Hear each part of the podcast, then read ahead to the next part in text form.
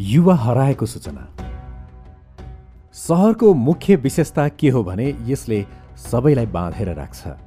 सपना बोकेर जो कोहीलाई पनि भिडभाडमा दौडने बनाउँछ। गाउँबाट थात्थलो छोडेर भिडमा हराउने बनाउँछ। नाइट बस चढेर सहर छिरेका तिनै पात्रहरू यो भिडको एउटा हिस्सा हुन्। काम फरक पुग्ने गन्तव्य अलग तर सबै आआफ्नो सपनाको पछि दगुरिरहेका छन्। नयाँ बानेश्वर चौरस्तामा उभिनुहोस् वा न्यु रोडमा पुग्नुहोस्। बस स्टपमा वा बसभित्र सधैँ नयाँ अनुहार मात्र देख्नुहुन्छ। यतिका मान्छे काठमाडौँमा के गर्दा होलान्? पढ्छन्? जागिर खान्छन्? कि व्यवसाय गर्छन्? वा विदेश जान काठमाडौँ ट्रान्जिटमा ओर्लिएका पो हुन् कि? जे होस् यी प्रत्येक अनुहारहरू सपनाको पछि दगुर्ने सङ्घर्ष नामका सहगोत्री हुन्। तपाईँ हामी झोलै बोकेर नाइट बसमा सहर अर्थात् काठमाडौँ छिरेका पात्र हौँ। सहर बिरानो थियो तर सपना ताजा थिए। सपनाले डोर्याएर सहर छिरेका हामी अन्त्यहीन सङ्घर्षमा पिल्सिरहेका छौँ।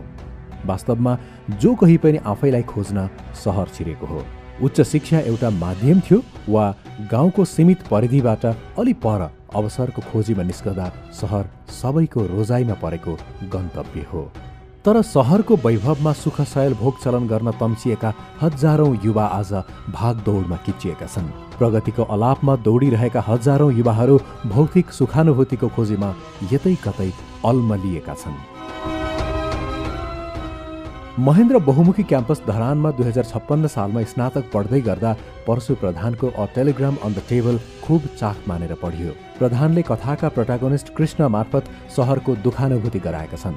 सपना बोकेर सहर छिरेको पात्र कृष्ण नराम्रोसँग सहरभित्रै हराएको छ। दिनभर विदेशी पर्यटकलाई गाइड गर्दै एक दिन कुइरी केटीको पछि लागेर विदेश जाने सपना बोकेको कृष्णको सपना अन्त्यमा टेलिग्रामले घरमा श्रीमतीको मृत्युको खबर ल्याएसँगै दुखान्तमा टुङ्गिन्छ। प्रधानको कथा त त्यत्तिकैमा सकिन्छ तर त्यो कथा लेखिनु अघि र लेखिएपछि आजसम्म हजारौं युवा त्यसै गरी सहर पसिरहेका छन्।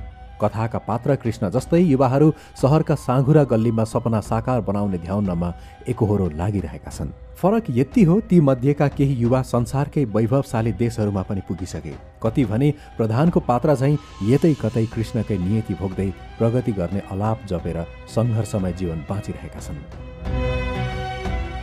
यथार्थ फेरि सुखभोग गर्न सात समुद्र पारि नै पुगे पनि समुद्री तटमा गई खिचिएका तस्विर जस्तो पनि रङ्गीन छैन उनीहरूको भोगाई। त्यसैले कवि उपेन्द्र सुब्बा आफ्नो कविता समान अन्तर मार्फत कटाक्ष गर्दै भन्छन् गाउँमा बाउले नपढेर दुःख पाए छोराले सहरमा पढेर हलो जोत्ने बाउसँग गरेर खान संसार छ तर भोक भोकै मर्न छोरासँग सहरमा अहङ्कार मात्र छ।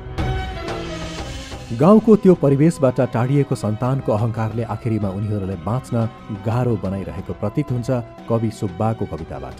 अध्ययन गरेको विषय र आफ्नो क्षमतामा भर परेका युवाहरू अन्तत अभावको जीवनभित्र गुम्सिन बाध्य भएको तर्फ पनि कवि सुब्बाले व्यङ्ग गरेका छन्। सहरको भागदौडमा रहँदा कर्मशील आजको पुस्ता कहिले परशु प्रधानको पात्र कृष्ण चाहिँ हारेको छ भने कहिले उपेन्द्र सुब्बाले भने चाहिँ अहङ्कार बोक्न विवश छ। केटाकेटी उमेरमै हेरेको उगेन छोपेलको चलचित्र साइनुको पात्र भुवन केसी मुम्बई सहरको भागदौडबाट निसासिएर गाउँ फर्किन्छ। छोपेलले भुवन केसी पात्र मार्फत सहरको भागदौडभन्दा पर गाउँमा एउटा परिवारलाई पुर्याएका छन्। गाउँ फर्किएको त्यो पात्र सम्झँदा लाग्छ निसासिने यो सहरबाट कोही किन गाउँ फर्कदैन? सिमाना चलचित्रमा गीत गाउँदै गाउँ फर्किने पात्र राजेश हमाल जस्तै।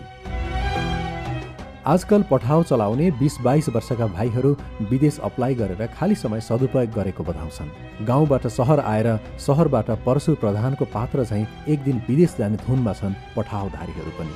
स्वयम्भू बस्ने स्नातक उत्तीर्ण पठाउ चालक बाइस वर्षीय एक शेर्पा भाइले जापान जान खोजेको दुई वर्ष भएछ। मैले उत्सुकतापूर्वक सोधेँ पर्यटनका लागि त शेर्पा ब्रान्ड नै हो नेपालमै केही किन नगर्ने भाइ? जवाबमा आएको उनको प्रतिक्रिया सुन्दा आजको युवा पुस्ताले बाँचिरहेको फ्रस्ट्रेसन झल्किन्थ्यो। शेर्पा भाइका अनुसार नेपालमा केही काम पनि भरपर्दो दिगो छैन न भविष्य नै छ। भद्रगोल यस्तो ठाउँमा बसेर केही गर्ने उत्प्रेरणा नभएको उनको तर्क थियो। ठिकै हो फेरि परशु प्रधानको पात्र कृष्ण सम्झिए। गाउँको दुःखबाट सहर पसेको कोही किन तावाबाट उम्किएर निसासिने काठमाडौँको भुङ्ग्रोमा परोस्। हुन त प्रधानको पात्र कृष्णसँग सहर बसेर सङ्घर्ष गर्दै एक दिन धन कमाउन विदेश जान्छु भन्नुको विकल्प थिएन होला। गाउँको त्यो गरिबी अभाव र दुःखबाट कृष्ण समृद्धि खोज्न टाढा अमेरिका पुग्न चाहन्थ्यो। ठिक उस्तै शेर्पा भाइले देशको यो अवस्थामा आफूलाई पनि सहज अनुभव नगरिरहेको प्रश्न हुन्छ। हाम्रो छरछिमेकमा अब सायदै घर बाँकी होला विदेश नगएको। पढे लेखेका बुजुर्गले न गाउँमा फर्केर गर्ने केही देख्छ न त नपढेकाकै जीवन गाउँमा सहज छ। नेपालीका लागि यथार्थमा कस्तो जीवन बाँच्ने भन्ने रोजाइ नै हुन्न। डार्विनको सिद्धान्त बाँच्नका लागि सङ्घर्ष अर्थात् लाउने खाने भन्दा माथि नेपालीको जीवन उठ्नै सकेको छैन। राजनीतिक स्थिरता नभएको गुनासो गर्दै गर्दा हामी उद्यमशील पनि त भएका छैनौँ। भान्सामा पाक्ने तरकारीदेखि सम्पूर्ण खाद्यान्न देशमा आयात गर्नुपर्ने बाध्यता छ। बारीमा के फलाए आत्मनिर्भर भइन्छ भन्ने नेपालीलाई ज्ञान छैन तर चासो चाहिँ एमसिसी आए देश सखाप हुन्छ भन्नेतिर सबैजना चनाएको छन्। देश विदेशमा नेपाली जहाँ जहाँ पुगे पनि आखिर जीवन त गाउँको त्यही सानो विद्यालयबाटै सुरु भएको थियो। अधिकांशले खेतबारीमा हलो कोदालो गर्दै गाउँमा दुःखै गरेर आजको उपलब्धि प्राप्त गरेकोमा प्रायको मतै के छ? दुःखका दिनमा हामीलाई गाउँघरले सबथोक दिएकै हो। बरु बदलामा आज गाउँलाई त्यो हामी हुर्किएको ठाउँलाई खै के गुण लगायौँ? पात्र राजेश हमाल त सिनेमामा नफर्कियो। यथार्थमा गाउँ फर्किनु भनेको सांस्कृतिक रूपमा आफ्नो माटो नबिर्सनु हो। काम व्यस्तता व्यवसाय कर्म जहाँ भए पनि अन्तत आफ्नो जन्मभूमिबाटै हामी बनेका हौँ। त्यसो हो भने देशप्रति समाजप्रति आफ्नो गाउँघरप्रति हामीले कर्तव्यबोध किन नगर्ने? साइनो चलचित्रमा जसरी हामी गाउँ नफर्के पनि गाउँघरलाई हामीले अनेक तरहले गुण लगाउन सक्छौँ। चट्याङ मास्टर भन्नुहुन्छ नेपाल कृषि प्रधान देश होइन कृषक प्रधान देश हो। किसानसँग खै कहाँ छ जमिन र यहाँ कोही कृषक बनिदियोस्। वर्षेनी सरकारले रोपाई भएको अनि धान फलेको तथ्याङ्क निकाल्छ। तर कति प्रतिशत नागरिक नेपालमा कृषक छन्? अर्थात् कृषि पेसामा निर्भर यहाँ कति जनसङ्ख्या छ? सत्य के हो भने रहरले यहाँ कोही पनि कृषि पेसामा छैनन् यदि कसैले आफूलाई किसान भन्छ भने। अन्यथा जमिनको क्षेत्रफल भएकै भरमा कसलाई किसान मान्ने? बाध्यताले जीवनको उत्तरार्धमा कृषि पेसामा लाग्नुभएका मेरा बुवाले दुई हजार पचास सालमा धान रोप्दा हिसाब गर्नुभयो हल गोरु र खेताला खर्च मल सहित सोह्र हजार रुपियाँ खर्च भएछ। तर मङ्सिरमा धान फल्यो जम्मा आठ हजारको। त्यो अतीत सम्झँदा कृषि पेसा मेरा लागि व्यक्तिगत रूपमा कहिले पनि आत्मसम्मानको पेसा भएन न आजै छ। खेतबारीमा जोतिने किसान तर बजार बिचौलियाको। बारीमा पन्ध्र रुपियाँ पर्ने काउली अहिले बजारमा उस्तै परे सय रुपियाँसम्म पर्छ।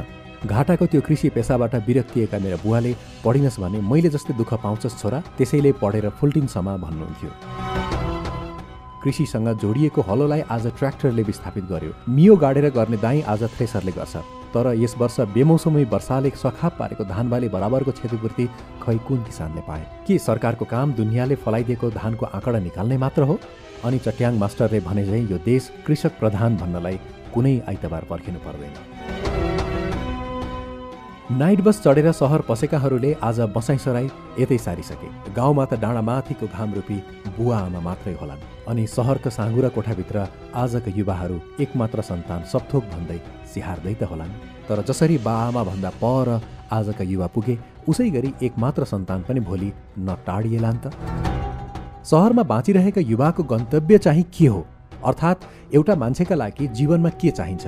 घर गाडी विलासिताका सामान सुखी दाम्पत्य जीवन सन्तान सुख वा आदर्शवान जिन्दगी। आफैलाई खोज्दै सहर छिरेकाहरू उच्च शिक्षा प्राप्त गर्न चाहन्थे राम्रो जागिर खान चाहन्थे देश विदेश चाहर्न चाहन्थे अथवा सुखी जिन्दगी पो बाँच्न चाहन्थे कि तर भागदौडमा किचिरहँदा आजका युवाले म के चाहन्थे म के भएँ भन्ने जान्दा जान्दै सहरभित्रै हराइरहेका पो छन् कि। फेरि सहरले के माग्छ? बस्न घर त पक्कै माग्ला।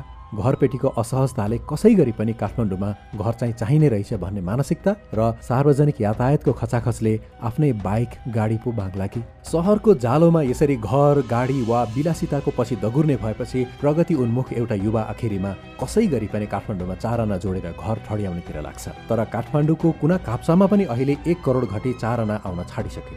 अनि घर बनाउन थप अर्को करोड। यो धरातलमा काठमाडौँ छिरेका जो कोहीले पनि दुई दुई करोड कहिले कसरी कमाउँछ वा यतिका सम्पत्ति जोड्न कति वर्ष लाग्ला। फेरि सन्तान जन्माएपछिको खर्च विद्यालयको महँगो शुल्क सँगसँगै सहरको महँगो बसाइमा सामान्यतया अहिले मासिक कम्तीमा पचास हजार कमाइ नभए काठमाडौँमा कोही पनि बाँच्न नसक्ने भइसक्यो। यो भुमरीको सकसमा नाइब सडेर आएको युवा उस्तै परे प्रधानको पात्र कृष्ण नभए तावाको माछा भुङ्रो भन्दा परतिर खोइ कसरी पुग्ला र पात्र कृष्ण कुइरिनी केटीको पछि लागेर वैभवशाली देशमै पुगिहाले पनि न देश फर्किन सकेका छन् न उतै आप्रवासी नागरिक भन्दा माथिको दर्जामा उपेन्द्र सुब्बाले भने झैँ सुख भोग नै गर्न पाएका छन्। सहरभित्र हराएका युवाहरूले घरदेखि अफिस र अफिसदेखि घरसम्मको दूरी नापिरहेका छन् तर जीवनको उत्तरार्धमा फर्केर हेर्दा आजको युवाले आफ्नो जीवनको यात्रा घर र अफिस बीच त्यही आठ दस किलोमिटरभित्र साँघुरिएको पाउनेछन्। भागदौडमा हराएका युवाहरूमा समर्पित।